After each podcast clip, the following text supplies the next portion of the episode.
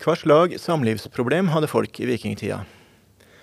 Hva råd kunne vi ha gitt til folk som sto i sånne problem, ut fra normene i dag og normene den gangen? Hva var forresten normene den gangen, og hvordan skilte de seg fra dagens?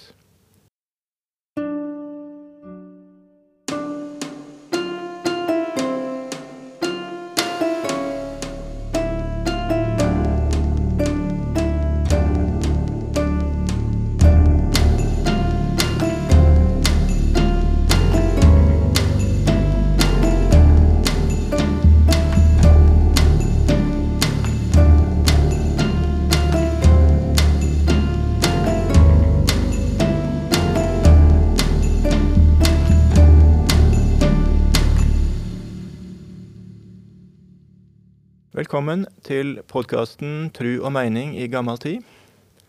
Eldar Heide heter jeg, og eh, gjest i dag er Frode Tuen. Velkommen, Frode. Tusen takk for det. Ja, vi er eh, kollegaer her på, på HVL, Høgskolen på Vestlandet. Driver med litt uh, ulike ting. Vil du si litt om hva du sysler med, kanskje? Ja, jeg uh, er professor uh, i psykisk helsearbeid. Og er utdannet psykolog og har jobbet veldig mye med familiespørsmål, samlivsspørsmål, psykisk helse. Men kanskje aller mest da kjent som en samlivsekspert. Jeg uttaler meg i mange sammenhenger og har en fast spalte i Aftenposten og Bergenstidene mm. som jeg har hatt i mange år, som går på dette med samlivsspørsmål. Jeg har skrevet mange bøker om det. Mm. Ja. Det er jo mange som kjenner de spaltene eh, særlig, vil jeg tro.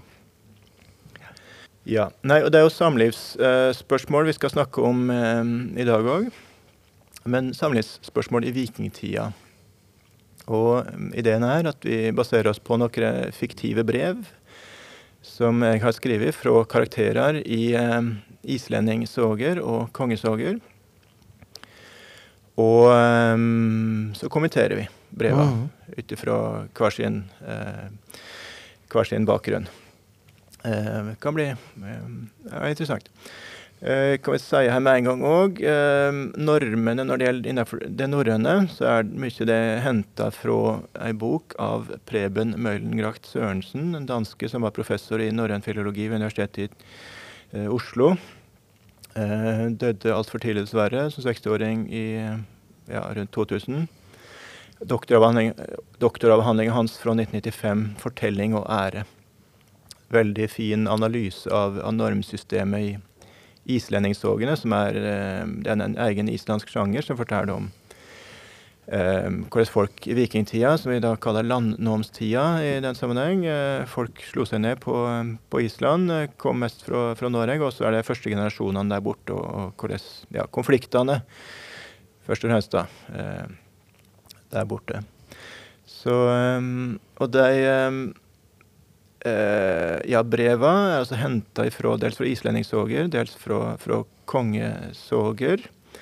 Og da kan vi si med en gang òg at det er jo et litterært univers, eh, bare for å presisere. at Det er ikke eh, historisk litteratur i moderne forstand. Det er, det er skjønnlitteratur. så er det en evig, For det, det, er tekster som er skrivne på 1200-tallet, og det er 200-300 år etter hendingene som, som, det handler om. For handlinga er stort sett fra slutten av 900-tallet og fram til kristninga, som eh, skjedde rundt årtusen på på Island.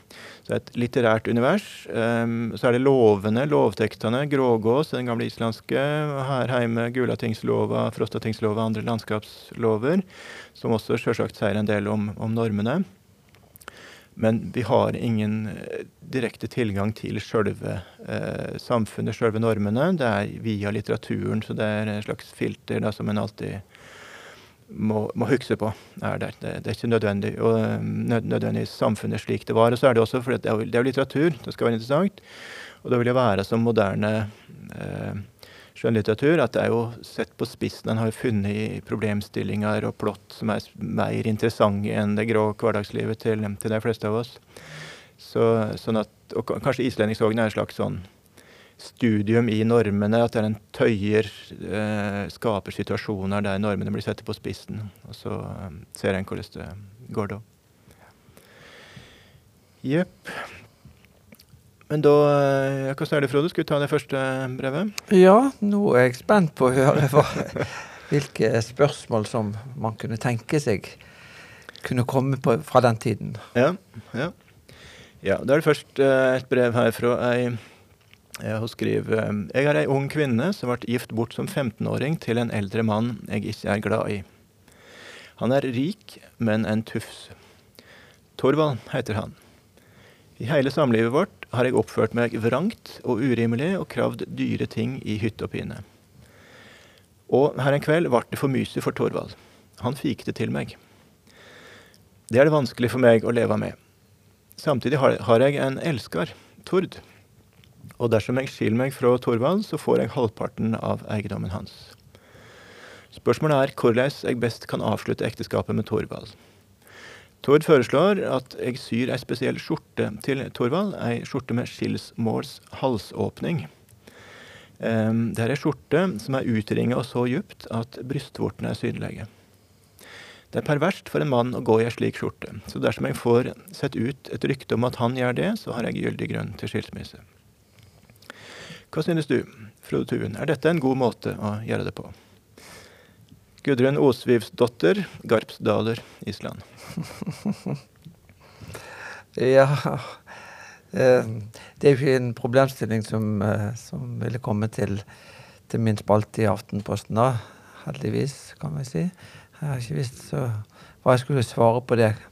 Men eh, hvis vi nå reflekterer litt over den tiden og ja, hva man kunne svare til det, og hva som er på en måte noen slags fellestrekk, da så, så, utviser hun i hvert fall en kvinnelist. Altså hun tenker hva skal til for at hun skal komme ut av dette ekteskapet. Og ikke mm. bare komme seg ut av det, men også med både æren og pengene i behold. For det var sånn at hun skulle få med seg halve ja. verdiene av Av, han, av eiendommen til han som hun ikke vil ha? Torvald. Ja. ja hvis, hvis, hun har en grunn til å skille seg. Ja. For det, det, er jo derfor hun vil da mm. altså Hvis han da Som, går med denne, denne skjorten, eller mm. så kan hun da på en måte påstå at han er pervers, mm. eller et eller annet som gjør at han ikke er skikket til å være en, mm. en ektemann, da. Ja, samtidig så er det litt pussig, fordi uh, det vi ser i lovene, er at en, altså både kvinne og mann kunne uten videre ta seg vitne. Eh, altså med, med vitne til flere vitner til stede, så bare erklære seg skilt fra, fra ektemaken. Eh, men, men, det er jo um, I denne soga så blir det, det blir jo tilsvarende òg, for, for, at han elskeren da skal få kunne gå fra si kone, så påstår de at hun går i bukse. Uh, og det er det naturligvis like uh, perverst. Um, og, og ja. Det, begge ekteskapene blir oppløste, og, og, de to som elsker hverandre, får hverandre. Så, så sånn sett ganske, ganske, moderne, men, men det er iallfall den det, det, er jo ganske både snurrig og, snurrig og interessant, da. Ja. Uh, og, og, dette med at man måtte ha en grunn for å komme ut av ekteskapet, det var jo faktisk gjeldende helt frem til 70-tallet. Eh, 1970-tallet. Sånn? Ja, altså hvor, hvor, det å få innvilget skilsmisse, da skulle det være en grunn. Altså, mm. I vår tid så var jo da grunnen gjerne fyll, hor eller, um, eller vold. Ja. Så så det har vært en, en, et utgangspunkt for samlivsbrudd og skilsmisser. Det har vært, vært tilstedeværelsen av noe negativt. Mm. Mens i vår, vår, tid nå, altså i siste generasjon og mm. der omkring, så har det vært mer fraværet av positive ting. Altså mm. det at man ikke snakker sammen og ikke er glad i hverandre, eller ikke har samme interesser, at man har mm. sklidd fra hverandre, man er bare blitt venner osv. Mm. Det er blitt en mye mer vanlig måte eller begrunnelse for mm. at man går fra hverandre. Mens før i tiden når det var behov for en objektiv grunn, så måtte det være altså tilstedeværelsen av noe, av noe negativt. Og mm. i dette tilfellet, da, altså hvis mm. vi går helt tilbake til uh, vikingtiden, så var det da her at disse ektefellene altså kunne beskyldes for å være perverse. Mm. Som er et mm. uttrykk som er jo litt fjernt fra vår tid, da. Men, men Ja, jo- åpenbart knyttet til noen normer som, Mm. som, som gjorde at dette var ufor, altså uforenlig med å leve i et samliv. Mm. Mm. Samtidig så er det jo aktuelt på sitt vis da, som et transspørsmål i dag, men som da eh, arter seg på helt andre måter. Men altså med å, krysse kjønnsgrenser, eller at eh, Ja. kjønnsgrensene ikke er absolutte, og, Ja. den typen eh, Men det var det jo, nettopp, eller skulle være, i det, uavhengig av hva slags eh, eh, hvordan folk måtte være eh, fra naturens side. De som var mindre typiske, eh, så var det veldig veldig strenge eh, kjønnsroller. Ja. Så at det er faktisk I den islandske grågås er det jo straff straffa jo landsforvisning hvis du da legger deg til en skikk som, som ikke hører til det kjønnet du har. Ja. Altså Som da går en kvinne å gå i, i mannsklær, eller, eller omvendt. Mm, og kanskje særlig det å, for en mann å gå i kvinneklær. For Og det er vel noe Ja. av det som kommer frem i, i islendingssoga, altså at man En kvinne kunne i noen tilfeller f.eks. være kriger, eh, og der, dermed gå inn i en mannsrolle, Mm. og faktisk få ære av det. Mens Mm. en mann kunne under ingen omstendigheter gå inn i en kvinnerolle Mm. og få ære. Snart tvert om, da mistet han all ære. Mm. Ja, og det, det er tilfeller der eh, Det vi ser i, i islendingssogene, så er det at eh, det er når mennene rundt henne svikter. Det er, eh, og det er faktisk hun, samme, eh, hun som blir skylda for å gå i bukse i, i soga om Laksdølene, i det samme trekant... Eh, eller ja, firkantramma, eller hva skal jeg si her. Hun som blir skylda for å gå- i bukse, og, og med den følge at man går fra henne, hun vent, da sier normene at da skal faren eller brødrene hemne den svivøringa som hun opplever. Men det gjør de ikke, de er helt passive. Og da er det hun sjøl som finner seg et sverd, og da tar hun på seg bukse. Og så rir hun opp til setra til han eh, Tord og sårer han i høyre handa og eh, på begge brystvortene. Og det er en ganske eh, interessant skade. Mm. Høyre handa er den du fører sverdet med. Eh, sverd betyr både sverd og penis. Ja. Og dessuten en mann med rennende brystvorter. Hva er det for noe? Det høres veldig feminint ut, i hvert fall. Ja. Ja. Så, så det, ehm, det er ikke noe alvorlig skade, men, men da symbolsk ganske, ganske knusende. Ja. Men nå klarte jo de seg bra, da, disse Tord og hun eh, Ja, Gudrun. Gudrun, ja. Ja da. Så, men, det med, men det med årsaker, det er også kampen om folkemeninga som er viktig her. For det, i, dag, i dag er det så det, det juridiske. Altså at uh, iallfall i de fleste typer saker så er det jo um, hva lova sier. Men i det samfunnet her, altså islandske fristaten, der det heller ikke var noen konge som, med absolutt makt på toppen, så var det jo folkemeninga som var det absolutte. og, og da så det å finne på en grunn eh, er nok, skal, man, skal nok så, være så mye i, i, det lyset at, at det gjelder å eh, legge til rette for noe i folkemeninga, hva Mm. slags eh, Mm. hvordan dette skal bli uh, oppfatta av, Mm. av eh, folk eh, ellers i samfunnet. Og, og, og den problemstillingen lever jo i dag også. At når man går fra hverandre, så har man en historie Mm. som man vil formidle. da, Som at man har levd i et dårlig ekteskap, eller man har blitt utsatt for uh, et eller annet type vold eller Mm. eh, mishandling, eller noe som ikke var til å leve i, eller Mm. at man var vanskjøttet, eller så at Mm. partneren da ikke tok vare på, på forholdet. Eh, og det å på en måte vinne gehør for sin historie, for disse Mm. historiene er ofte veldig forskjellige. Mm. Den ene opplever at alt handler om den andres skyld, Mm. eller ansvar, og den, den igjen vil jo legge skylden og ansvaret på den andre igjen. Mm. Sånn at det å, å prøve å komme ut av det med mest mulig sympati, Mm. vil jo være gjeldende i dag. Ja. På samme måte, men, men, men ikke like dramatisk, og kanskje ikke med Mm. like stort behov for å, å utøve en Mm. kvinnelist som Mm. Gudrun her gjorde. da. Men det kanskje, eh, kanskje Kan det stemme den mest aktuelle parallellen til sånt i dag vil være påstander om, om overgrep, Ja. kanskje? Altså at eh, alle kan forstå at jeg bryter ut av det her, fordi se her hva, hva den andre har gjort. Mm. Mm.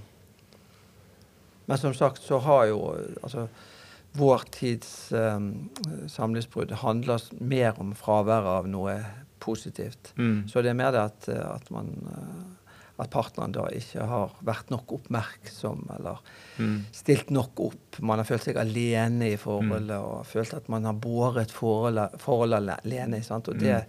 veldig ofte vil begge parter si. Men de har et ulik eh, utgangspunkt, og begge to har følt seg eh, misforstått eller følt seg lite verdsatt av den, Mm. av den andre. Og, eh, og prøver da selvfølgelig å få gehør og sympati for sin forståelse og sin historie overfor Mm. venner og, og, um, og familie. Mm. Sånn samfunnet utenfor bryr seg nok ikke så mye i dag. Mens i, på den tiden så, Mm. så var det jo mer denne fordømmelsen i samfunnet. og Man kunne jo bli, som du skrev, altså land, landsforvist hvis man, Mm. hvis man gjorde noe som brøt med normene. Så at norms, normpresset var jo mye, mye sterkere den gangen. Mm. Mens i Mm. dag så er det ikke normene i samfunnet man gjør opprør mot, eller som, som hindrer en, men det er mer liksom man ønsker å få den sympatien fra sine nærmeste og de som er Mm. rundt forholdet. Ja.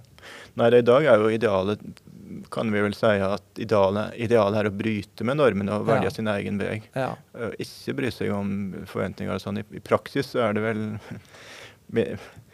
ikke så mye at vi gjør det, men, men idealet eh, Ja. er vel der. At det, i hvert fall, å holde fram som, som mulighet, iallfall. At du, du kan gjøre akkurat det du vil. Sigmund Baumann snakker om dette med flytende kjærlighet. Mhm. Altså som uh, liquid modernity. modernity ikke sant? Altså Mm. at vår tids modernitet er flytende. Altså vi er liksom frikoblet fra normene, og vi er frikoblet fra tradisjonene. Vi, liksom, vi må iscenesette oss selv og velge det livet vi ønsker. Det er på en måte ingen føringer som du blir født inn i, eller som, som skaper deg. Du må skape din eget, ditt Mm. eget liv og din egen Mm. fremtid. Mm. Eh, og det gjelder også i et parforhold. At man, man, eh, man er ikke styrt av de normene som er i samfunnet, og hvordan man skal ha det, eller hva som, hvor går grensen. Det er det hele tiden en selv som må kjenne etter. Er dette bra for meg, Mm. eh, eller er det ikke bra for meg? Men hva folk der ute mener, har mye mindre betydning for Mm. om man blir Mm. værende i et forhold eller ikke. Men det er vel gans, ganske nylig at det der er endra. Altså hele det med, med holdninga til normene, at det er i løpet av de siste 100 år eller noe sånt. Ja, ja, absolutt. Det- Ja. Ja ja, skal vi prøve um, et annet brev? ja. Spennende å Ja. dykke ned i liksom, samlivsutfordringer på den tiden. ja. Da har vi et her fra en uh, ung, uh, ganske ung mann.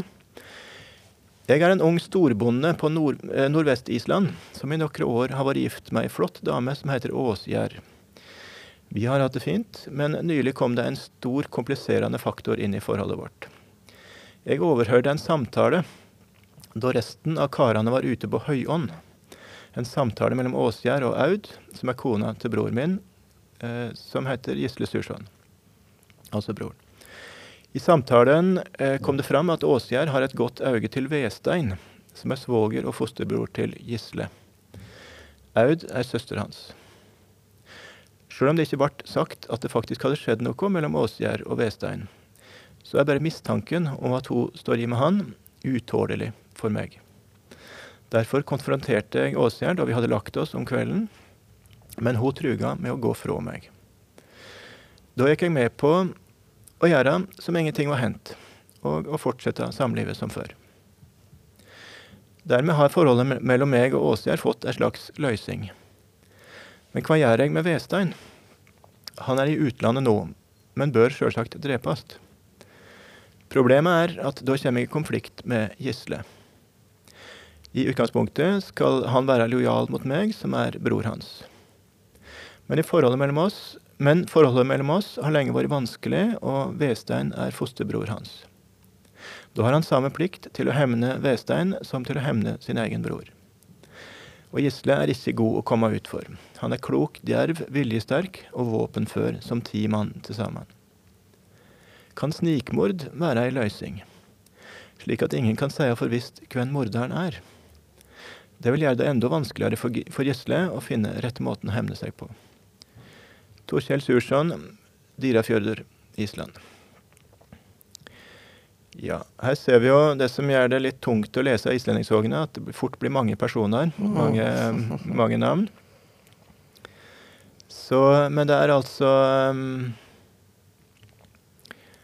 Ja, han her, Torkjell, um, er bror til uh, Gisle, og Gisle er fosterbror med Vestein. Og det er Vestein som kanskje, kanskje ikke står i med, med kona til Torkjell.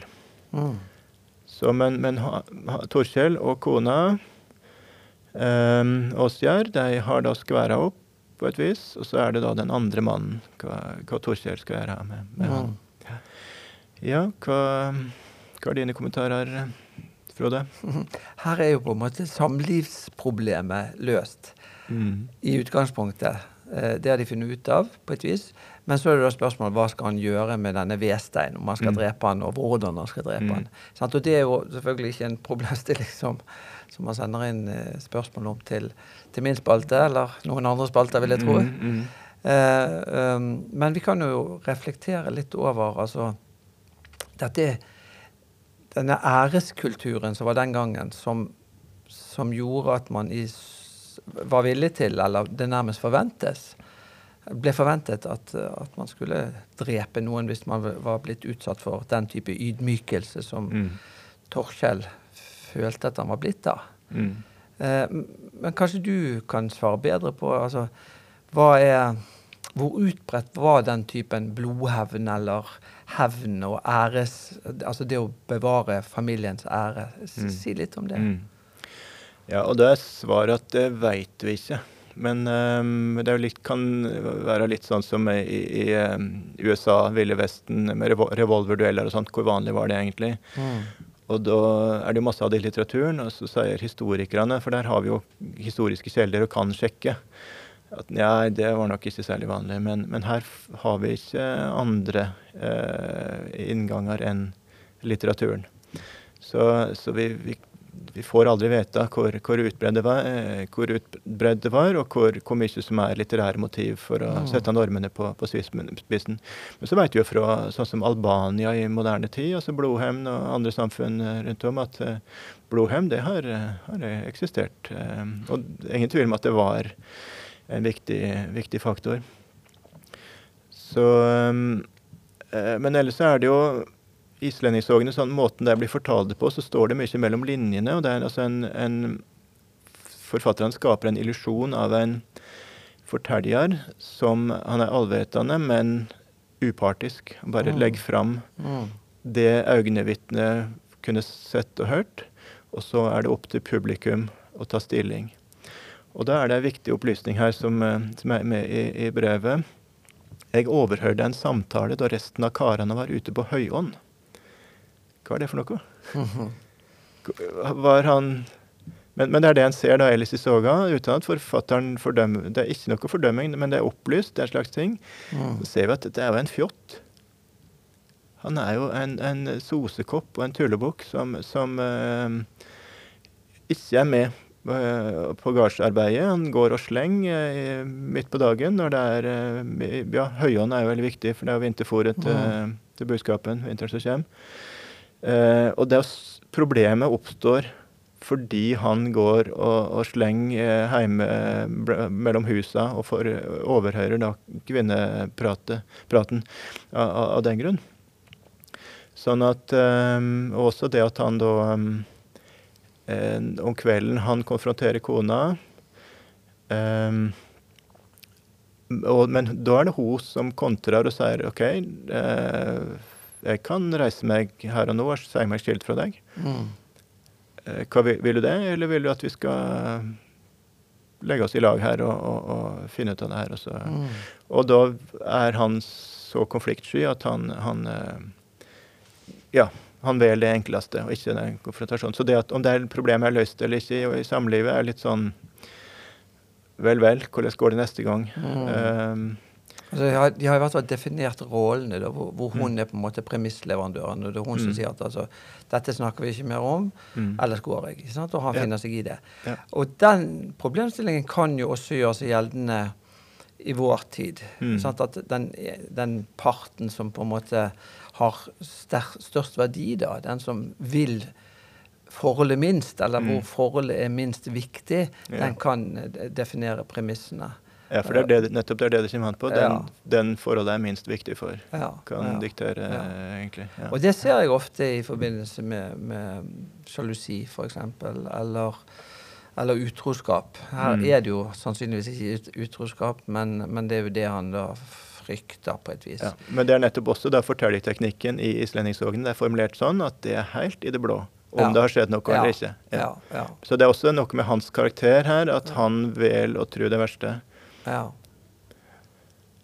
Men han vil også å, å, å, fortsette. Så han er på en ja. måte han er den svake part. Ja. Hvis han var den sterkeste part, og, han hadde visst at hun, hun trenger meg, meg, mer enn jeg trenger henne, mm. så ville han vært mye tydeligere på at nei, dette her dette kan vi ikke, kan ikke jeg leve med, dette må vi finne ut av. Eller her må du gjøre et eller annet som mm. skaper, eh, gir meg grunn til å, å, tro på at det ikke har vært noe mer mellom mm. deg og mm. Vedstein eller Venstein. Vedstein, ja. Mm. mm. Så, og det er jo en interessant eh, dynamikk som utspiller seg i, i våre tids parforhold òg. Altså når, I møte med svik og i, i, møte med usikkerhet. Altså hvordan kommer det uttrykk? Og uh, hva gjør det med forholdet? Det det veldig ofte gjør, er jo at det skaper en utrygghet som, mm. som gjør at man kommer inn i et dårlig spor, og at, at, man ikke klarer å være så fri og levende. Mm. vital i mm. møte med den andre, men at det ligger liksom hele tiden en annen nerve der, eller et, en mistanke, en uro, mm. som gjør at man begynner å spille hverandre dårlig. Yeah. Og så får man frem de dårlige egenskapene hos hverandre. Og det, og det kan jo være veldig ødeleggende, selv om det kanskje ikke egentlig har skjedd noe. Men ja. hvis man har fått ja. opplevelse av eh, en utrygghet, så kan den i seg sjøl være en betydelig trussel for forholdet. Mm. Mm. Men det ender da veldig sjeldent, i vår kultur i hvert fall, med at man tenker at man må drepe.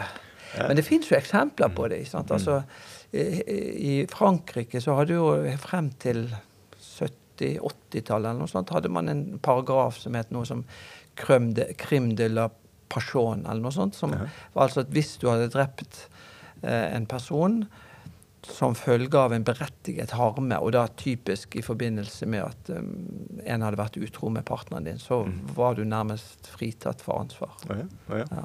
Ja. Så, så, den type hevnder har eksistert i vår kultur i hvert fall i Frankrike, mm. frem til langt ut på, på 1900-tallet. Ja. Mm. Som, ja, som mer eller mindre lovlig, ja. Ja, eller i hvert fall som en, så bet, en betydelig formildende omstendighet. Ja. Og det kan man se også i, i, i lovanvendelser i Norge, men det har ikke hatt det samme begrepet knyttet Nei, til det. da. Men det har det vært sjølforsvar? Ja, eller altså berettiget harme. Formildende omstendigheter. Den typen uttrykk man har brukt. Ja, mm, ja. Ja, for det har det vært tilfeller med frikjenning for drap, faktisk, i ja. Menveg Høgse. Ja, ja. ja, ja. Hmm. Nei da, det blir uh, snikmord, uh, og det er da um, kjent som det eldste kriminalmysteriet i Norden. Uh, og det er det nettopp Det er jo et sjangertrekk, mener jeg iallfall, at i islendingstogen at det skal Det er mange sånne tilfeller der det er uklart om det ene eller andre skjedde, og det er mm. nettopp som i såpeseriene på fjernsyn i dag, at du skal sparke i gang samtalene etterpå. Skal, du vil at folk skal diskutere det. At, Hva var det som egentlig skjedde? Nettopp. Ja, nettopp. Ja. Og, og, for så vidt ikke bare det med, med, med selve hendinga, men også det med normene. Hvem, ja. hvem hadde rett, hvem, eller retten på sin side. Hvem er det naturlig å, å, å holde med og ha sympati, sympati med. Det er formulert veldig ofte sånn at du jo, på den ene sida og på den andre sida så er det kan, kan se det fra begge sider. Men jeg tenker I vår kultur og vår tid så har vi jo noe av den samme type problematikk knyttet til Uh, muslimske innvandrermiljøer hvor det har vært dette spørsmålet om sånn æresdrap og sånt, har, ja. uh, har jo absolutt vært en, mm. uh, en, problemstilling, eller er en problemstilling. Ja. Så, så, så, det lever jo til en viss grad også i, i vår mm. tid og i mm. vår kultur. Men, mm. men, da først og fremst blant innvandrere som har muslimsk bakgrunn. Mm. mm. Ja. Et viktig poeng her altså Jeg sa det med Torkjell som overhører den samtalen fordi han går og slenger hjemme der eh, kvinnene arbeider, i stedet for å være ute på, på engene med de andre mennene. Så, men i den samme samtalen så kommer det fram at eh, kona til Gisle har hatt iallfall et godt øye til en annen mann. Aud eh, Det kommer fram i den samme samtalen mellom kvinnene at Aud har hatt et godt øye til en annen mann. Og om kvelden For det, han, Torkjell gir seg til kjenne når samtalen mellom kvinnene er over, at 'dette har jeg hørt'. Og så forstår Aud at nå blir det, nå blir det problem her. Mm. Og så, så hun sier alt som det er, til Gisle om kvelden. Akkurat som det ble sagt. Og da vil Gisle å eh, bare si at OK, det er ingenting galt har skjedd. Vi gjør ingenting her. Så han, han, har et helt annet format enn Torkjell, som er, mm. som er, bror hans. Så Det er kanskje poenget i Soga, å stille mot hverandre. At Gisle er et idealmenneske. Helt fenomenalt på alle vis. Men så er spørsmålet hvor, kan du leve med ære hvis du har en fjott til bror? Mm. Som ikke gidder å arbeide, og som, som eh, ikke tar eh, det så nøye med noen ting. Eh, ja, og det ender med at eh, Gisle blir dømt fredløs for drapet på, på Torgrim, som er da ja, eh, en av de som ble nevnt i, i, brevet der. Så, men da kan vi ta et brev fra, fra Aud når mm. eh, seinere. Jeg er gift med en fredløs mann. Gisle Sursson heter han, og han er fredløs fordi han drap en mann som hevn for drapet på fosterbror sin. Da han ble fredløs, rømte jeg med han til en avsides fjordbotn, og her har jeg bodd siden. Med fosterdatter vår, med han Gisle, en del, av, del vintrer, har bodd her, andre vintrer hos folk som har våga å skjule han. Det er gjort seid mot Gisle for at ingen skal kunne hjelpe han. Det er altså en type trolldom. Men her i Fjordbotn har han flere skjulesteder rundt om i skogene. Nå har det gått over ti år på dette viset, og det er et hardt liv. Vi lever på eksistensminimum, og en stressfaktor er at det når som helst kan komme folk for å drepe Gisle. To ganger har jeg fått tilbud om en stor pengesum for å utlevere han. Andre gangen slengte jeg pungen med sølvet i fleisen på han som bød meg pengene, så blodet skvatt, og mennene hans måtte hindre han i å drepe meg. Slik truskap er det jeg har vist verda hele tida. Men er det rett av meg? Jeg lever et hundeliv for å støtte Gisle. Og vi har ei fosterdatter som må vokse opp på denne måten. Før eller seinere tar de Gisle, og da står vi på bar bakke. Mm. Ja. ja. det er jo et eksistensielt uh, dilemma mm. som er vanskelig å forestille seg, nesten. Um, det er jo fantastisk at hun er virkelig så tro mm. med Gisle. Men det går jo også utover hennes Eller datteren deres. Og som hun sier, før eller siden kommer de til å ta Gisle, og da ja. står vi tilbake på bar bakke. Mm. Så det er jo et uh, hjerteskjærende dilemma hun mm. står i og har levd i i ti år. Mm. Å gi noen gode, gode, råd til hva, hva hun skulle gjøre, det er ikke lett. Og den gangen var det vel heller ikke mulig for Gisle å på en måte stå frem og ta sin straff, for den straffen ville vel bli og, han, han, kunne ha kommet seg ut av landet, men da, da måtte noen ha hjulpet han. For det, altså, Som fredløs så kan uh, hvem som helst strafffritt drepe deg. Ja. Og da gjelder det å komme seg lengst mulig bort. Um, så hvis du kommer deg til utlandet, så er det jo mindre fare. Men det er mange historier om at, at det, folk blir uh, Noen blir hogget ned på, på uh, ja, i, i, Norge, eller til og med faktisk i Miklagard, Istanbul, Bysants, ja, Konstantinopel av noen som, eh, som, kjenner at ja, men det, er jo han som drap broren min. Mm. Der, stikk, der stakk jeg sverdet i han. Mm. Um, sånn at, uh, men det er jo iallfall mye, mye, mye tryggere. Og det ender jo med at, at Gisle blir drepen, ja, men han er den som Om det er han som klarer seg lengst som fredløs, eller nest lengst uh, av de som, uh, som blir nevnt, Mm. eller om, omhandla i, i norrøn litteratur. jeg ikke. Men iallfall. Han er et slags sånn eh, idealmenneske, overmenneske, men, men, eh, men det er det at med en fjott til bror, så, så, så nytter det ingenting. Ja, for de er så avhengige av, av slekten og at folk stiller opp for hverandre. Ja. Selv om han er, kan slåss for tid, Mm. så, så er han likevel avhengig av å ha en bror og en broren folk rundt seg som han kan stole på og lene seg til. Ja, og som ikke ter seg som, som, Ja. som tosker, og som eh, på måter som skaper problem for, eh, for folk. eh. Mm. Sånn som det der at han, han overhørte samtalen fordi han ikke var ute og arbeidet. Um, Men hvorfor, altså, hvorfor drepte Gislen noen? ja, det Tor- Torgrim der, altså. Ja. Den andre fosterbroren til, til, til Torkjell. Ja, nei, eh, han kunne jo Det var u... Um, nei, det er da ting som skjer imellom der, men det er et, et drap på Ve- Vestein blir drepen. Ja, det er bra du spør om det. Vestein kommer hjem fra, fra utlandet og kommer på et julegilde og, og blir drepen. eh, av Torskjell, da, eller av en av, nei, av Torgrim antakelig, men det er, um, det, er det, unnskyld, det som er det, det, eldste kriminalmysteriet kriminalmysteriet i Norden. Mm. Det som er det. Og, og um, uh, Men det er um, det er altså snikmord. Det blir ikke opplyst hvem det er. Og det er jo interessant, fordi det som I den kulturen, ordet mord, det var brukt om det mordet du ikke vedkjente deg. Regelen var at du skulle, hvis du drap noen, så skulle du melde det på næreste gard. Eh, og regler dekke til like med, med stein eller noe sånt. Og så, og så oppsøke næreste gard og fortelle at ja, jeg drap den og den bort på, på heia her nå. Da var det ikke mord. Men, Ja. eh, Så det, snikmord var det som var mord. Eh, Mm. Og det var jo æreløst, men problemet var at her var det så nært eh, eh, slektskap, og det var fosterbrorskap og, og sånt, sånn at det var eh, vanskelig å gjøre det åpenlyst. Mm. Og så, um, så Vestein ble drepen, og som hevn for det eh, drep eh, Gisle Torgrim, og så eh, blir Gisle dømt fredløs. Ja. Og, og, og så er det den seiden, da, som, som, for å sette en spiss på det, altså, kanskje for å forklare at ok, han idealmenneske Supermann, hvordan kan det være vanskelig for han? Ja, ok, det var Seid som, sa, som gjorde at ingen skulle kunne hjelpe han på Island. Mm.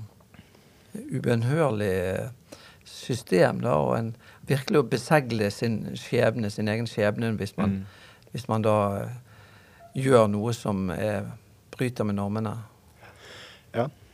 Så um, så er det jo det med å sette på spissen normene. At det her brevet fra, fra Aud, eh, at hun lever da ute i, fjordbunnen der da på eksistensminimum.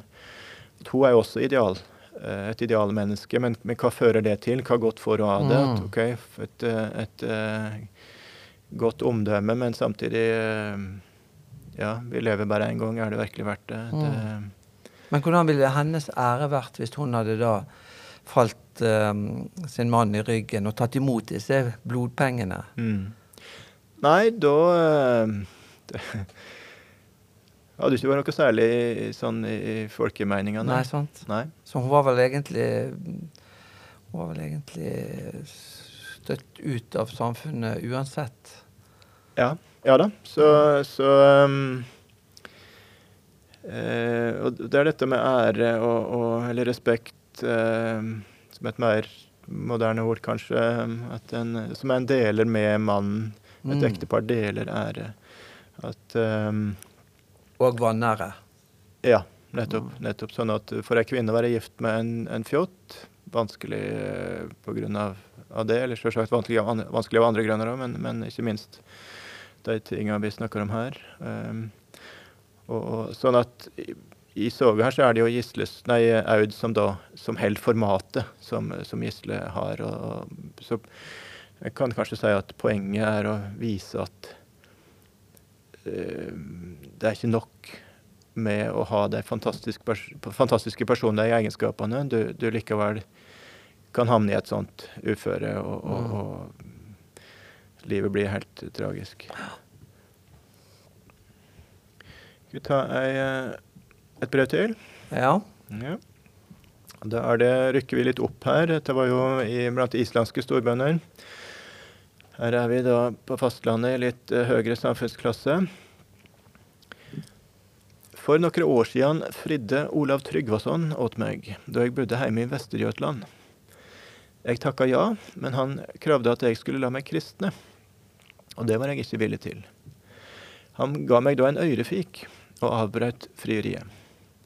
Nå er jeg gift med danskekongen Svein Tjugeskjegg. Sven Tveskjegg, sier danskene. Men kan ikke glemme den svivøringa som kong Olav ga meg. Hva kan jeg gjøre for å få hevn? Jeg har lurt på om det går an å få Danmark til å gå til krig mot Norge og få drepe Olav på den måten. Det krever at mannen min allierer seg med svenskekongen og får støtte av den norske opposisjonen. Og det krever at jeg klarer å manipulere han til å gå til dette skrittet.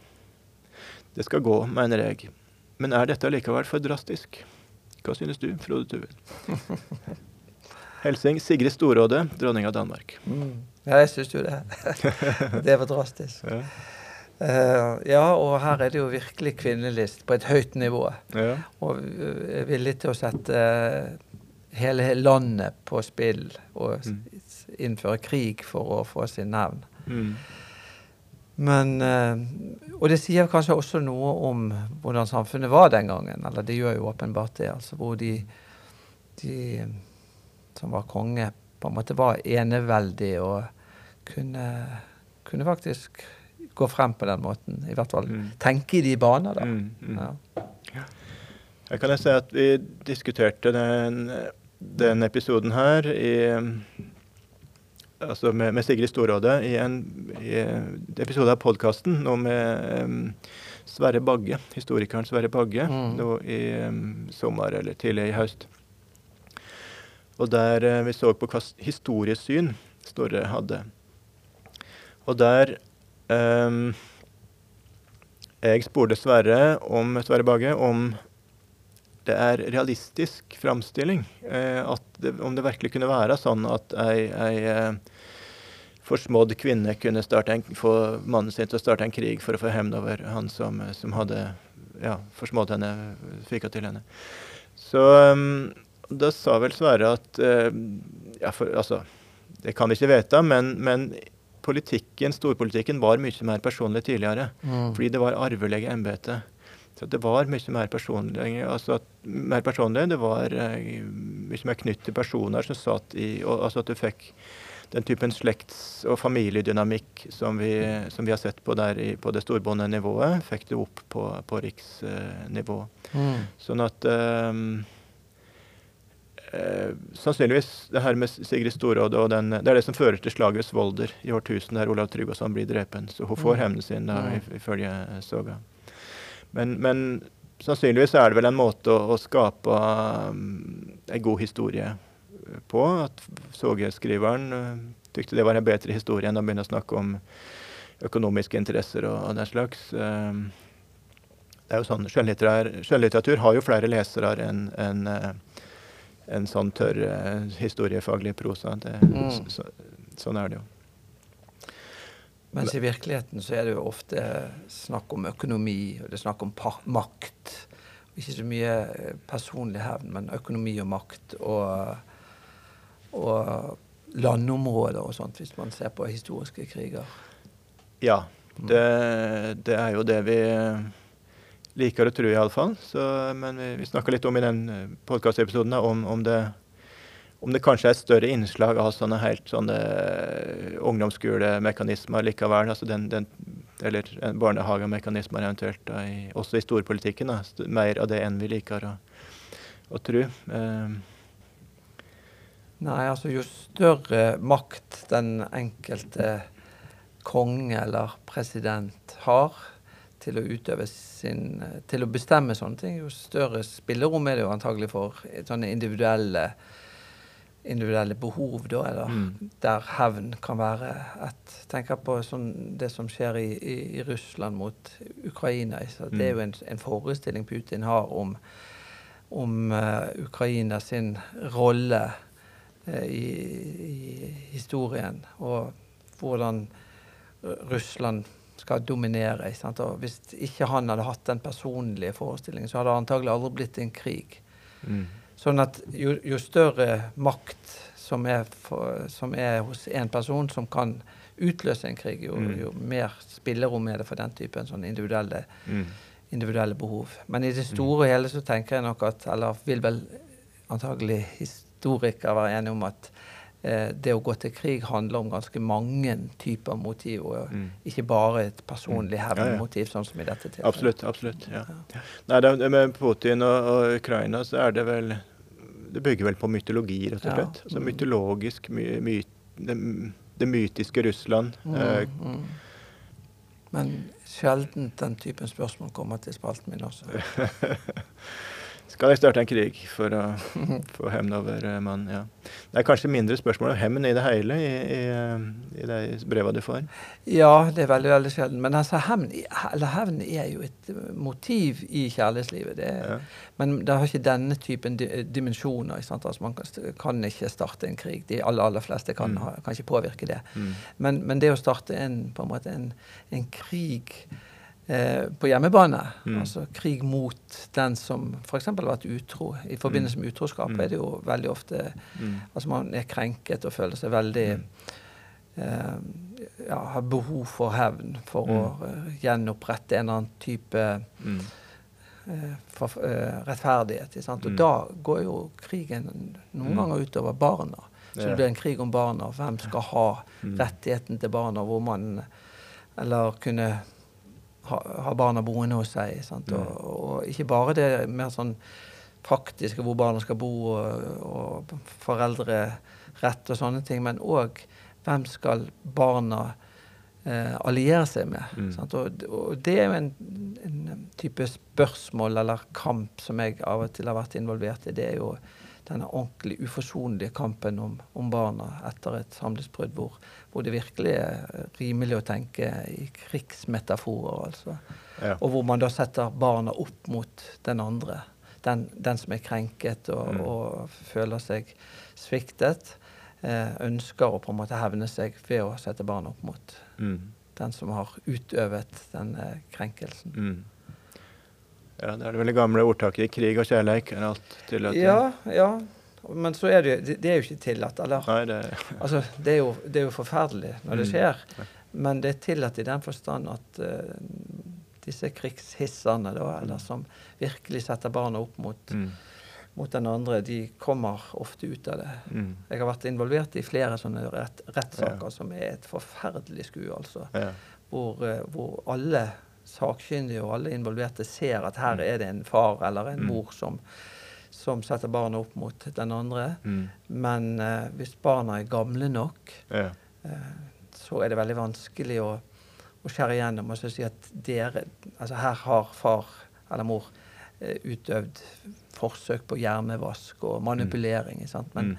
Man ser det, og man skjønner det og anerkjenner at det er det som har skjedd. Mm. Men når barna er fanget i disse virkelighetsoppfatningene, Mm. så kan man ikke uten videre si at ja, men dere, nå skal dere flytte til den andre Mm. forelderen, for det er han eller hun som egentlig vil dere vel. Mm. For når man er på en måte dratt inn i dragsug av den andres Stemmer, stemmer, eh, ja. fiendskap og demonisering, Mm. så er det veldig veldig vanskelig for verken be, eh, behandlingsapparatet eller domstolen å gjøre noe. Mm. Og sånn sett så, så på en måte kommer de unna med det. da. Ja. Ja. Huh. Så det er vår, tid, vår tids Hvis hjern, kriger. nettopp, nettopp. Hvis hjernevaskinga har fungert, ja. Ja, ja. ja. Nei, det, det uttrykket det er vel heller sånn at en eh, Ja, hvordan skal tolke det? I krig og kjærlighet alltid at, at eh, er kanskje, nest, kanskje nesten Jeg har vel heller oppfattet det sånn at en observerer at folk er villige til hva som helst. ja. Eh, som om en, en har lov til det i, Ja. i sånne saker. da. Ja, Man har en slags opplevelse at det er legitimt å, å gjøre sånt fordi man er så krenket og forbitret på den andre. Mm. Og så er det nok få som tenker om det, at jeg nå bruker jeg barna mot den andre. Men man, har en, man er òg så forbitret at man har en reell demonisering av den andre. Man opplever han eller henne som udugelig eller ubrukelig. Mm. Eh, og at man tenker at jeg gjør en, en, eh, en god sak ved å sette barna opp mot Mm. Han eller henne, for Mm. å unngå at de blir dratt inn i den andre sin eh, elendighet eller Mm. fiendskap. Eller. Så Mm. det, man har på en måte en oppfatning om at man gjør en god sak, mens Mm. det motsatte er jo tilfellet, dessverre. skulle ta ett brev til, eh, kanskje det siste? Ja. Kanskje litt mer aktuelt enn det her med å starte krig for å få hevn. Hei, Frode Tuen. Jeg blir regna for å være den beste unge kvinna på Island. Vakker, klok, ordhag og dugande. Folk sier at jeg er framom alle andre kvinner på min alder. Mannen min bør derfor være den beste som finnes på Island. Den mannen er Kjartan Olavsson, mener både jeg og folk flest. Og lenge så det ut til at det skulle ordne seg med oss. Han var ofte innom på gården vår, og vi ble glade i hverandre. Men så fikk han det innfallet å fare til Norge. Han ba meg vente i tre år, men det ville jeg ikke love, for jeg mente at planen var dårlig. Så gikk det slik at han ikke kom att etter de tre åra, og han sendte meg heller ikke båd om hva han hadde tenkt, og ba meg heller ikke vente et år til. Men bestevennen hans kom hjem, Bolle Bolleson, og han kunne fortelle at Kjartan var blitt godvenn med Olav Tryggvason og var mye i lag med søstera til kongen, og at mange mente framtida til Kjartan lå der. Så fridde Bolle til meg. Da måtte jeg takke ja, for Bolle var den nest beste mannen på Island. Med Kjartan i Norge ville Bolle være den beste, og da ville alt være greit. Så kom Kjartan eh, hjem året etter, nå i sommer. Dermed er jeg gift den, med den nest beste, og det er helt utålelig. Hva skal jeg gjøre? Jeg er frista til å starte en konflikt mellom familiene våre som kan føre til åpen kamp mellom Bolle og Kjartan. Er det bare de to mot hverandre, så vinner sjølsagt Kjartan. Men har Bolle overmakt mot Kjartans flokk, så kan Bolle klare å drepe Kjartan, og da er problemet løst. Dette burde fungere, mener jeg. Eller er det moment jeg ikke har tenkt på? Det er forresten Kjartan jeg er glad i, men jeg får ikke hjelpe. Helsing Gudrun Usvivsdotter. Laksårdaler, Vest-Island. Ja, det er den samme Gudrun som ble gift bort Mm. eh, som veldig ung, eh, som 15-åring. Mm. Ja Eh, Det, det uttrykket som heter 'If you can't get the one you love, you get to love the one you get'. Eller Mm. sånt. ting. Mm. Um, og det vil vel gjelde her. altså hun har, Bolle høres ut som en, en bra kar. Ja. Uh, og kanskje hun skulle satse på Bolle og tenke at OK, Kjartan var der en periode, men nå, nå må, har jeg valgt Bolle, Mm. og Bolle kan gi meg et godt liv. Mm. Så det da hele tiden å hige etter noe, noe som er bedre, eller som man tror er bedre, Mm. det er jo en egentlig veldig destruktiv tilnærming da. Det var det nok den gangen, og det er det i dag også. Det er vel det den snakker om eh, dagens eh, nettdating, Ja. Tinder og alt det her. At den Ja. alltid en stor meny av andre som en ja. Ja. Og det er sånn, altså Hvis du holder på på det, så på den galeien, så er det jo vanskelig å slå seg til ro. For du kan aldri vite om, om det ikke finnes en, en bedre kandidat. Mm. Og en annen ting er jo det at hva som er en god kandidat, eller hva, hvem som er en god partner, det er det jo først og fremst gjennom erfaring du kan Mm. få noe kunnskap om. Og du er jo med på å skape den, det forholdet selv. Mm. Så hvis du har funnet en som du tenker er bra, og så ser du en som du tenker kunne være enda bedre, og du da begynner å bli veldig negativ på, til den du har, så er det klart Mm. at det forholdet blir dårlig. Mm. Mens hvis du hadde tenkt at ok, her finnes det andre som kunne vært bra, men jeg har nå en fin fyr, Mm. og er positiv til det, så vil Mm. man jo kunne ha det ganske godt Mm. eh, med den man har valgt. Så det å helt tatt hegne om det forholdet man har, Mm. eh, og som man har valgt på et eller annet tidspunkt, Mm. det er jo ofte den beste løsningen eller beste oppskriften på et lykkelig samliv. Mm. Mm. Ja, eh, men det her øh, stat, det er statusjag.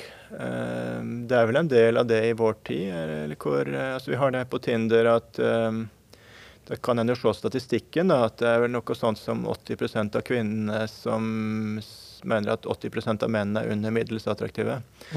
Og, og de mest attraktive men, 5 av mennene har- enorm tilgang på, Mm. på kvinner som, eh, som, eh, ja, som vil ha deg. Um, og det innebærer Det er jo litt av det som vi ser her i, i brevet. Altså en, Mm. en sånn, et ønske om den aller beste. Så, Ja.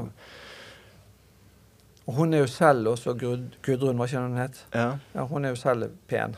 Ja da. Hun er eh, ja, hun, Ja, hun- Det er nok ikke sånn som det er framstilt i Soga, så er det helt sant det hun sier. Hun er den eh, Ja. ja.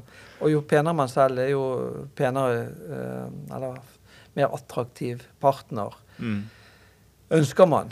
Og. Men og i vår Tinder-verden så er det jo på en måte attraktivitet da, som er det særlig viktige. Mm. Hvor attraktiv man er. Og hvis det er på en måte det som trumfer alt annet, Mm. Så er jo faren veldig stor for at man velger en som, som kanskje er pen å se på eller Mm. attraktiv, men Ja. som ikke har alle andre egenskaper Mm. som er viktig for å ha et godt samliv. Mm. Så jeg tenker at det er en av de største utfordringene. Det at man er så opptatt av um, utseende, og mer i dag enn noen gang antagelig, nettopp Mm. fordi at attraktivitet er Mm. liksom inngangen på, på Tinder. Altså det, Mm. Hvis ikke du er attraktiv, så, så blir du ikke sveipet til høyre. Altså Mm. Da får du ikke noe valg. Da Mm. kan du ikke vise hva du er god for som, Mm. som partner. Mm. Så, og det får, eh, det får nok en ulykksalig utgang for mange fordi at man rett og slett velger feil. Man blir for fokusert på det. Ja. Samtidig så er det noe en har vært obs på. eh, Så det er i den eh, Jeg kunne ha laga brev ut fra det, men eh, eh, Det er i uh, Njålssoga så er det ei som heter Hallgjerd, som etter hvert blir gift med ene helten, Gunnar eh, fra Lidarende. Og hun, da har hun, har hun vært gift med flere menn før, eh, og de eh, har fått en brå død, alle, alle sammen. På grunn av eh, ja, intrigene hennes, eller at hun, Mm. eh, hun er, eh, er veldig storlynt. Storpåde, stor på det, kravstor, eh, og er vanskelig, rett og slett, har et vanskelig lynne. Men smellvakker. Smellvakker. Sånn at så den ene mannen etter den andre blir åtvara av det. Altså, en må jo gå til faren eh, når en skal fri. da, Så sier han ja, du er klar over at eh, det var ikke så enkelt. Nei da, men det, det, er henne jeg vil ha.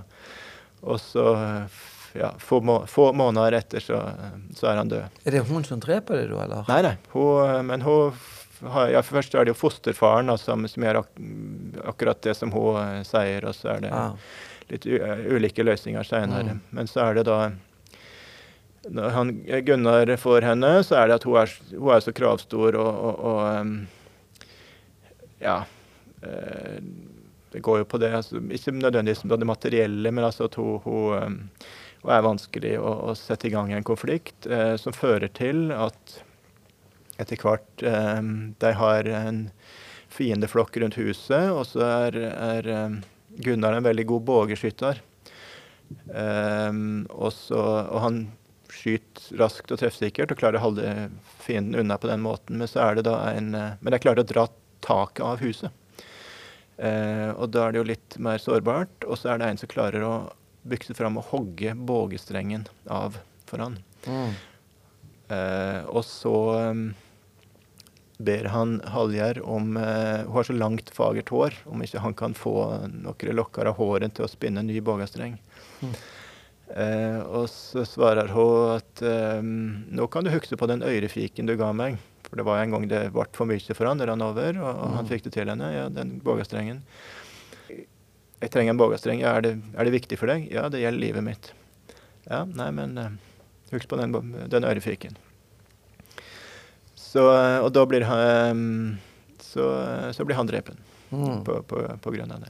Så det er den ene mannen etter den andre som, som vel feil på akkurat uh, det, det grunnlaget at uh, Vakker kvinne, og så blir en blind for, blind for det Mm. andre. I vår tid så er det kanskje vel så ofte den motsatte konstellasjonen. Altså ehm, eh, kvinner som velger vakre menn eller tiltrekkende menn. De trenger ikke nødvendigvis å være så det, vakker, men de må jo være, være, karismatiske og på et eller annet vis ha en eller annen sterk tiltrekningskraft. Og Mm. så oppdager de at dette er jo ikke noen mann å bli gammel med. Eh, og så ender det i et brudd, og så er det ikke vanligvis i mitt mord eller dødsfall, mm. men i hvert fall et brudd. Og så er det på'n igjen, og så er det de samme egenskapene de ser etter. Så mm. Kvinner som på en måte velger menn som ikke fortjener dem, gang mm. på gang på gang. Mm. Det er jo en sånn, en sånn uh, tilbakevendende problematikk som, som, vi ser blant mm. Altså vi som jobber med, med par. Uh, ja. Det, det å klare å løfte seg ut av, av uh, det mønsteret som man har kommet inn i. Og det handler jo dels om å liksom bli kjent med eh, seg selv. Og hva er det, hvordan har jeg bidratt til at dette bruddet har skjedd? Hva mm. kan jeg lære av, mm. av meg selv eh, i dette bruddet? Men også hva kan jeg lære om andre, altså nye partnere? Hva er det for mm. en partner jeg egentlig trenger? Istedenfor at man på en måte går i de samme mønstre gang på gang på gang. Mm. At man begynner å se etter andre kvalifikasjoner eller andre egenskaper som er kanskje mer mm. eh, bærekraftig å satse på. Mm. Og det er en, en, øvelse som mange må gå ganske mange runder med seg sjøl og føle seg veldig mm. mislykket ja. før de begynner etter hvert å, å, se at her er det et gjentagende mønster mm. som blir en, mm. det blir en mare som man på en måte aldri kommer ut av. Nei. Ja. Så, men, men, der er det jo også en viktig skilnad mellom en uh, innsikt, eller kanskje kulturen vi har i dag. Altså det at um, hver person er, er, Vi er ulike. Alle er ulike. Og, og det gjelder å få para to som har egenskaper som passer sammen. Og det finner vi min, den typen tankegang finner vi mindre av i islendingssogene. Sjøl om det er Eh, både islendingssoger og, konges, og den, de norrøne kongesågene er eh, også pers, ja, andre sjangre enestående realistiske til å være mellomalderlitteratur. Så er det ikke realisme i moderne forstand heller. Som psykologisk Sjøl om da en del av de her tilfellene med med sånn som. Hallgjerd i Njålsoga, så tydelig vanskelig karakter, rett og slett. Født med vanskelig lynne. Mm. Eh, så sånt har en vært obs på. Og så er det andre tilfeller så er det menn som er, eh, som er vrange og, og, og, oppfarende og bråsinte og, og um, langsinte og, som aldri glemmer urett. Og, altså den typen At det kan bli Altså du skal for all del kunne ha integritet og ikke la deg tråkke på og sånt, men, men også mange et forholdsvis vanlig motiv i disse sorgene at eh, menn som er altfor myse uh, i den retninga. Altså altfor uh, alt for aggressive mm. og den slags. Men, men, men, det med å finne uh, mann og kone som, som, passer sammen med egenskaper, det veit jeg ikke om jeg kommer på. Der er det altså såpass finstilt oppfatning av psykologien, psyken, er det nok lite lite av. Eh, det er mer det med status, status, mm. status. Altså at en skal ha eh, Familien, faren, må finne til dattera en mann som, er, som har minst like god stat, høy status som, som hun og familien eh, som hun kommer fra. Og, og, den mannen må også ha gode personlige egenskaper. Men om de direkte skal passe sammen, de egenskapene, det eh, veit jeg ikke om vi om vi finner. Så, så, det er veldig det her ehm, ja, Vekt på status. En skal ikke gå ned i, i status, uh, for det er altså omdømme og folkemening og, og, og, det der, da. Så det er litt mm. sjablongmessig måte å, å tenke på. Det er jo interessant at altså det der med å tenke om enkeltindividet som at man har spesielle karaktertrekk. Det er noe som egentlig innenfor psykologi i hvert fall først vokste frem et godt stykke ut på 1900-tallet. Altså når. Eh, når, eh, psykologien vokste frem på slutten av 1800-tallet, 1850-, 60-, 70-tallet, hvor liksom psykologien begynte å etablere seg som en mm. vitenskap, så var det mer sånne allmenne fenomener, allmenne menneskelige trekk man lette etter eller prøvde å forstå. Men så Mm. begynte differensial, eh, differensialpsykologien å, å, å vokse frem ut på 1900-tallet, hvor man da så at her er jo folk veldig forskjellige. Mm. Og så begynte også sånn tester, altså for pers personlige tester, intelligenstester Mm. og sånt å få fotfeste. Så, men altså den ideen av at vi er veldig individuelle skapninger med veldig individuelle karaktertrekk, og at disse karaktertrekkene trenger å passe sammen, Mm. det er jo en eh, relativt ny måte å forstå menneskelig fungering på. Mm. Det har jo vært eh, altså, rudimentære forståelser av det og, eh, langt tilbake, men, men det å virkelig ta det på alvor, og hvordan det har betydning for f.eks. et parforhold og et samliv, er en ganske moderne tanke. Mm. Um, og når disse datingappene og, og, og matching-sidene, hjemmesidene, etter hvert Mm. kom, um, så var det jo nettopp fordi at man tenkte at her skal man, her skal man teste personlige trekk. Sant? Og så kan Mm. man få en sånn match på 95 eller 98% Dere passer veldig veldig godt sammen. Og så, og så skal dere Mm. satse på hverandre. Sant? Men så kom Tinder etter hvert. og- og han måtte skyllet bort alt det der eh, matchingen som går Mm. på sånn personlige trekk. Da Mm. handler det i utgangspunktet veldig veldig mye, i hvert fall i første Mm. omgang, om, om man liker man personen av utseende. Mm. Eh, sånn at vi har på en måte mistet eh, noe av den individualpsykologiske kunnskapen og behovet for å se egenskaper som passer sammen. Mm. Har, har på en måte kommet litt i bakgrunnen Mm. etter hvert som Tinder har, eh, har eh, begynt å dominere veldig mye Mm. av sånn datingmarkedet. Ja. halvparten av de som treffer hverandre i dag, Men hva er eh, appellen bruker jo eh, datingapper. ja. Altså, men, sånn men, men hvorfor mener du Hva fordel har Tinder som gjør at uh... Nei, altså De gir jo en følelse av at det er et stort utvalg. Ja. sant? Eh, men det er jo bare tilsynelatende, eller det Mm. gjelder bare for de fem prosentene som du Mm. nevner, som, som Mm. har veldig god, eh, godt drag, da, eller Mm. muligheter i det markedet. Men for de, mest, de fleste så er det jo så er det jo mer det at man kan se at det finnes mange der ute, men Mm. det er jo altså Gjennomsnittsmannen må sveipe til høyre 100 ganger for å få én sveip tilbake. Mm. på samme måte. Altså en match da på sveipingen. Så det betyr at det, det voldsomme utvalget som man kan få inntrykk av finnes der ute, det er jo Mm. bare Det er ikke reelt for de aller fleste. Mm. Og, og, og det er veldig, veldig veldig utkap, utseendefokusert. Mm. Mm. Mens det som egentlig har betydning, det er jo selvfølgelig Det er fint at man kan til, bli tiltrukket av andre, for all del. og Ofte Mm. er det en forutsetning. Men for at man skal lykkes i et parforhold, så handler det jo nettopp om at man Mm. kan ha felles interesser, felles verdier, og at man Mm. på en måte har egenskaper som Mm. matcher hverandre. Mm. Samtidig så um, er det jo Hvis vi går, trenger ikke gå tilbake til, til vikingtida, landnamstida på Island, men altså for den del eh, 1850 var jo livet en, for de aller fleste en kamp for å, berge, for å berge livet. Eh, sånn at det var eh, Hvordan det da ble, hvordan samlivet da, samliv da fungerte, har jeg lurt litt på. Altså, men men altså, det var jo, må jo være et mye mer praktisk spørsmål.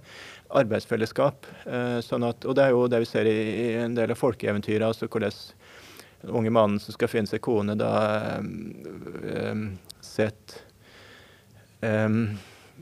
kandidatene på prøve og undersøker da hvor, hvor flink er hun til å spinne, hvor, Mm. hvor eh, renslig er hun, og så er det da et triks å spørre om eh, at en trenger sju år gammel graut for, eh, som omslag på et sår, eller hva det er for noe. og så at um, eh, Jo, jo, jo, og de fleste har jo ikke sju år gammel graut, men så er det ei som har det. Jo, det er sju år gammel graut, det er klart vi har. Oi, oi, oi, nei.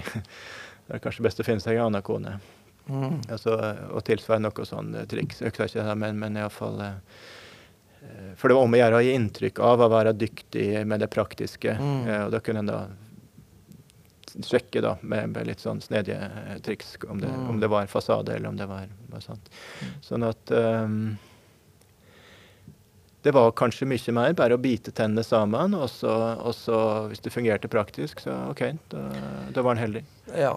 Og det er klart at man ville ha en partner som var, var, god og snill og kunne beskytte en. Altså mm. Kvinnen trengte en mann som kunne beskytte en og forsørge en. Mm. Og mannen trengte en kone som kunne lage god mat og passe på barna. Mm. Mens i dag er jo et parforhold mye mer en sånn emosjonell mm.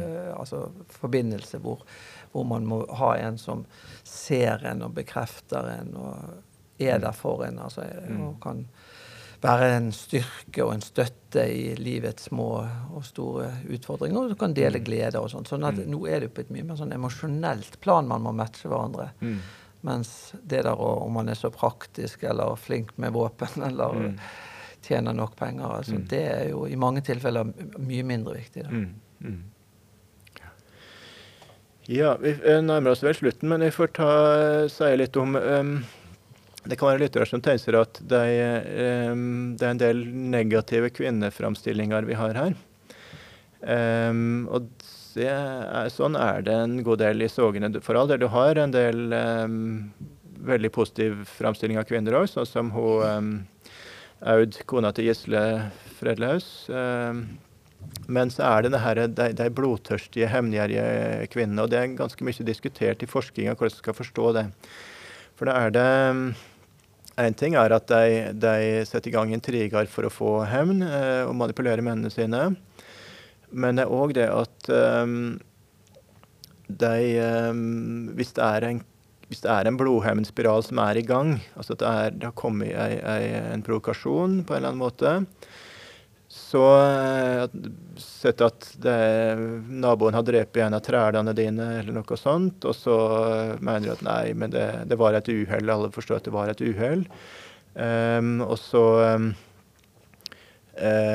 og, og, da er det typisk sånn at bonden, høstbonden da prøver å, å, få til forlik. For han vet jo, alle vet jo at uh, hvis en går videre med blodhevn, så blir det bare flere og flere drepne, og, og ikke minst av ens egne blir drepne. Sånn at eh, det, det, må jo det må jo ta slutt. Må, så, så da er det gjerne mennenes rolle å prøve å vise måtehold og vilje til, til, forlik. Men så er det kvinnene, det er kona eller mora, som da egger mannen til å hemne likevel. Og det kan være veldig krasse utfordringer, sånn som i, i Njålsåga er det en kjent scene der en, en eh, som heter Flåse, som eh, en mann som, som, prøver å få til forlik. Og så er det um, den blodige kappa som da den nære slektningen ble drepen i, har da um, ei, ei um,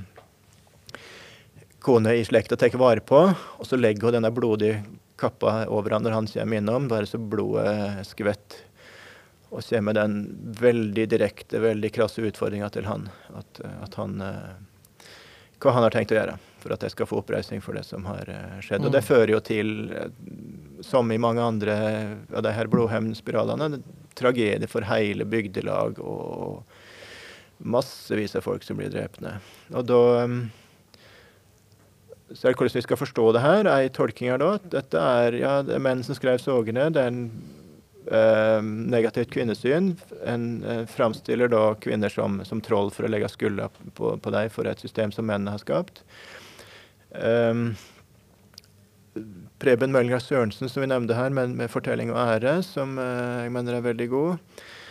Eh, han ser det mer sånn at mann og kvinne deler ære, og at de har utfyllende roller, komplementære roller. Sånn at eh, mannens rolle er å vi som er villige til måtehold og forlik. Men kvinna kanskje med bedre sosiale antenner, hvis hun aner at folkemeninga blir at, eller sier at, at, han er veik, som ikke tør å hemne seg, så må hun presse han, og at det er i hans interesse. fordi at eh, det går ikke an å, å bli oppfatta som, som, veik. Som, eh, og da er det jo veik altså oppfatta som, som kvinneaktig. Det er det som er eh, med, med de veldig strenge kjønnsrollene. Altså mannen skal bruke våpen og være villig til å bruke våpen. Kvinnene kan ikke eller, eh, eller, bør ikke, og hvis de kan da når mennene ikke stiller opp, så, så har de gjerne ikke evne til å, å, å drepe, iallfall. Men altså at mann og kvinne deler ære, um, og at det er i mannens interesse at to presser han. Hvis folkemeninga kan tvile på at han at, uh, Kan lure på at, at, han ja, er veik, ikke, ikke har evner rett og slett til å, til å sette seg i respekt. Så, um, så det er noe der det står. Det er ikke, det er ikke noe fasitsvar på det. Det kommer helt sikkert å komme mange innlegg i, i den diskusjonen, iallfall. Men det er, det er et normsystem som Og den kan jo si, altså islendingssågene, som en studie i, i disse normene, og at en setter set normene på spissen. Hvor galt kan det gå hvis vi, mm. hvis vi springer lina helt ut? Med, med, med å, å, følge de her kravene som, som, ligger på oss for å være Ja, ha den integriteten som som blir krevd for å forsvare oss slik vi, slik vi, bør. OK, men hva fører det til? Er, det, er, dette egentlig bra? Og Det er jo svaret temmelig klart at nei, det er jo helt tragisk. Mm, mm. Det, så det er ikke noe å ønske tilbake til hvis det da har eksistert. Det, men igjen, det er litteratur. Det er et litterært univers. Og hvor, mm. hvordan det var, om det kanskje i praksis var mye mer pragmatisk og vilje til, til forlik, ja, det Kanskje ikke usannsynlig, men det får vi ikke vite. Mm. Jeg vil jo tro at det med at uh, mye av disse tekstene er skrevet av menn, må vi vel anta. Ja. Og vi vet vel kanskje også det. Um, og det, at nettopp fordi at mennes, eller, altså, Det var så store forskjeller mellom kvinner og menn, så hadde de jo veldig en ulik opplevelse av seg selv og av samfunnet de levde i, og at de da fremstilte samfunnet eh, med mannens blikk mm. på det. Og det kan være mye av forklaringen. Også. Jeg tenker sånn i med, med mer moderne historie, eller vår tid, hvor hvor også enkelte tenker at det er veldig veldig stor forskjell mellom kvinner og menn, og hvordan vi forstår f.eks. For mm. samliv og, mm. og, sånne ting. Eh, det var jo en bok som kom for 50 år siden, John Gray, som mange har lest, ja. som ble veldig veldig toneangivende innenfor sånn selvhjelpslitteratur. Mm. Kvinner er fra Venus, og menn er fra Mars. ikke sant? Og den har kommet i forskjellige varianter og, eller versjoner. og mange mange har lest den boken. Og, ja, det er vel borti, Jeg har ikke lest boka, men jeg har hørt tittelen ja, veldig ja. mange ganger. altså Det er en tittel som er blitt et ordtak. Nærmest. Ja, ikke sant? Og, og, hvor man da tenker seg at liksom her er Vi lever på ulike planeter. ikke sant? Mm, mm. Og jeg møter det òg av og til i, i terapi folk som har en slags sånn oppfatning at vi er veldig veldig ulike, og derfor mm. ser vi verden så forskjellig. Og jeg mm. tenker at den gangen, altså på når disse islendingsoga ble skrevet, så var, var, nok kvinner og menn veldig veldig forskjellige. altså Hadde veldig ulik livssituasjon mm. Mm. og livsanskuelse. Og, og, når det, mye av litteraturen da ble skrevet av menn, så er det jo all grunn til å tro at, at de skriver det med utgangspunkt i deres opplevelse, og at den ikke nødvendigvis er veldig riktig mm. eller dekkende mm. for det mm. som var kvinnenes liv. Mm. Og Hvis man skulle legge John Gray sin beskrivelse til grunn for mm. liksom, å forstå kvinner og menn i dag, så, så ville man jo få en veldig mm. for, fortegnet virkelighet. For, mm. for, i realiteten så er jo det mye som er likt da. Mm. Eh, mellom kvinner og menn, og mye mindre enn det som han fremstiller. Mm. Ja. Det som uh, Ja, OK, du mener at uh, han uh, Gray sier at det er større skillnad på kvinner og menn enn det er? Ja. ja. Ja, absolutt. Ja, det, så, altså, det er klart det er forskjeller. Mm. Det er f.eks. kvinner som tar initiativ til å gå i terapi. og det, mm. det er kvinner som stort sett går ut av forholdet. Mm. To tredjedeler av skilsmisser blir initiert av kvinner, f.eks. Mm. Så det, det, det, er en god del forskjeller, men det er likevel vel så store mm. forskjeller kvinner mm. imellom og menn seg imellom enn mellom kvinner og menn. Så når man da prøver å forstå hva, hvilke dynamikker og hvilke behov som gjør seg gjeldende mm. hos kvinner og menn, så er det jo, er det jo mer sånn individuelle forskjeller mm. vel så mye som, mm. som kjønnsforskjeller. Ja. Så, men på den tiden så var altså på islendingstiden så var det nok veldig veldig store kjønnsforskjeller. Mm. Og kunne da en mann med rimelighet fremstille livet sånn som det fortonte seg for en mm. kvinne? Mm. Antagelig ikke. Mm. Nei, det, det, kunne være interessant å se um, antropologisk på det. altså Se på, på altså, Sånn som Papua, på Papua Ny-Guinea fram mot vår tid har det jo vært det er dokumentert uh, av uh, sosialantropologer. Du har hatt altså, en mer eller mindre permanent krigstilstand mellom stammer generasjon etter generasjon, og, og hvordan kjønnsrollene har vært i den typen system, eh, vil jo kunne eh, ikke si at ja, men da var det sånn her, men altså kunne kaste lys over det på en eller annen måte, da, hvis en, eh, hvis en kunne se en tendens. Um, så um, Men klart at kjønnsrollene er mye, mye strengere i det norrøne samfunnet enn i dag. Samtidig så er det jo det her i samme båt. Eh, livet en kamp for å overleve. Vi er avhengig av hverandre. Eh, Mannen da mest med utarbeid, lenger unna fiske og, og, og, og, den slags. Eh, og kvinnene mer heimearbeid, mjølke, mjølkestell, uh, ullarbeid og, og, alt det her. Men, men altså gjensidig avhengig, veldig grunnleggende avhengig av hverandre. Så, og så er det jo også et side av saka her, det med hvordan altså samspillet mellom disse tekstene og publikum. For det blant de tingene som, som Møylen Grach Sørensen sier i fortellinga, er at, eller poengterer at um, rettssakene, rettsdel, Altså på Island, Alltinget, um, det var en fristat, ingen konge. Stormennene balanserte makta seg imellom. Eh, men det var, det var, lover, det var et rettsstell eh, som da ikke skulle sikre at et lov var lik for alle, men at sikre balanse, mm. stabilitet eh, i, samfunnet. Og så sier Preben at når det gjelder islendingssogene, så fungerer tilhørerne altså da, Det var nok, var nok mest høyt, høytlesing. Tilhørerne fungerer som, som da ju, altså tingforsamlinga eller juryen på, på tinget. Ehm, med den fortellerteknikken, altså den, den uh, fortelleren som gir inntrykk og bare formidler uh, vitneutsegner. Og så må publikum sjølve ta stilling til det her. Og da var det jo både kvinner og menn. Kveldsseta typisk, da de mm. fortalte uh, eventyr eller, eller las opp uh, islendingssåger, eller hva det kunne være om kveldene. Så var det jo kvinner og menn til stede der. og Så det må ha fungert med begge med det blanda publikummet. Mm. Så, um, så, det ville jo være en, en uh, friksjonsstein, iallfall, hvis det var sånn at uh, kvinnene ikke så uh, hvis jeg oppfatta det som helt urimelig framstilling. Mm. Så um, Ja. Men igjen, dette får vi nok ikke. Vet Noe endelig svar på. Nei. Nei. Nei. Nei da, og det er jo ikke sånn at det er enten-eller. Men, men altså, generelt så er det jo sånn at de som skriver historien Det gjelder jo krig òg. Altså, når seierherren skriver historien, så er det jo ja, ja. et helt annet, ja, eh, et helt annet perspektiv, en annen historie enn mm. hvis det er mm. de som har tapt krigen, eller de som er blitt undertrykt. Samtidig så er det den Uh, kongesågene vet vi forfatterne til uh, ofte. Uh, Islendingssåg derimot er uh, anonyme. Mm. Men det er ei soge, og det er soga om laksdølene, som ehm, mange mener er skrevet av ei kvinne.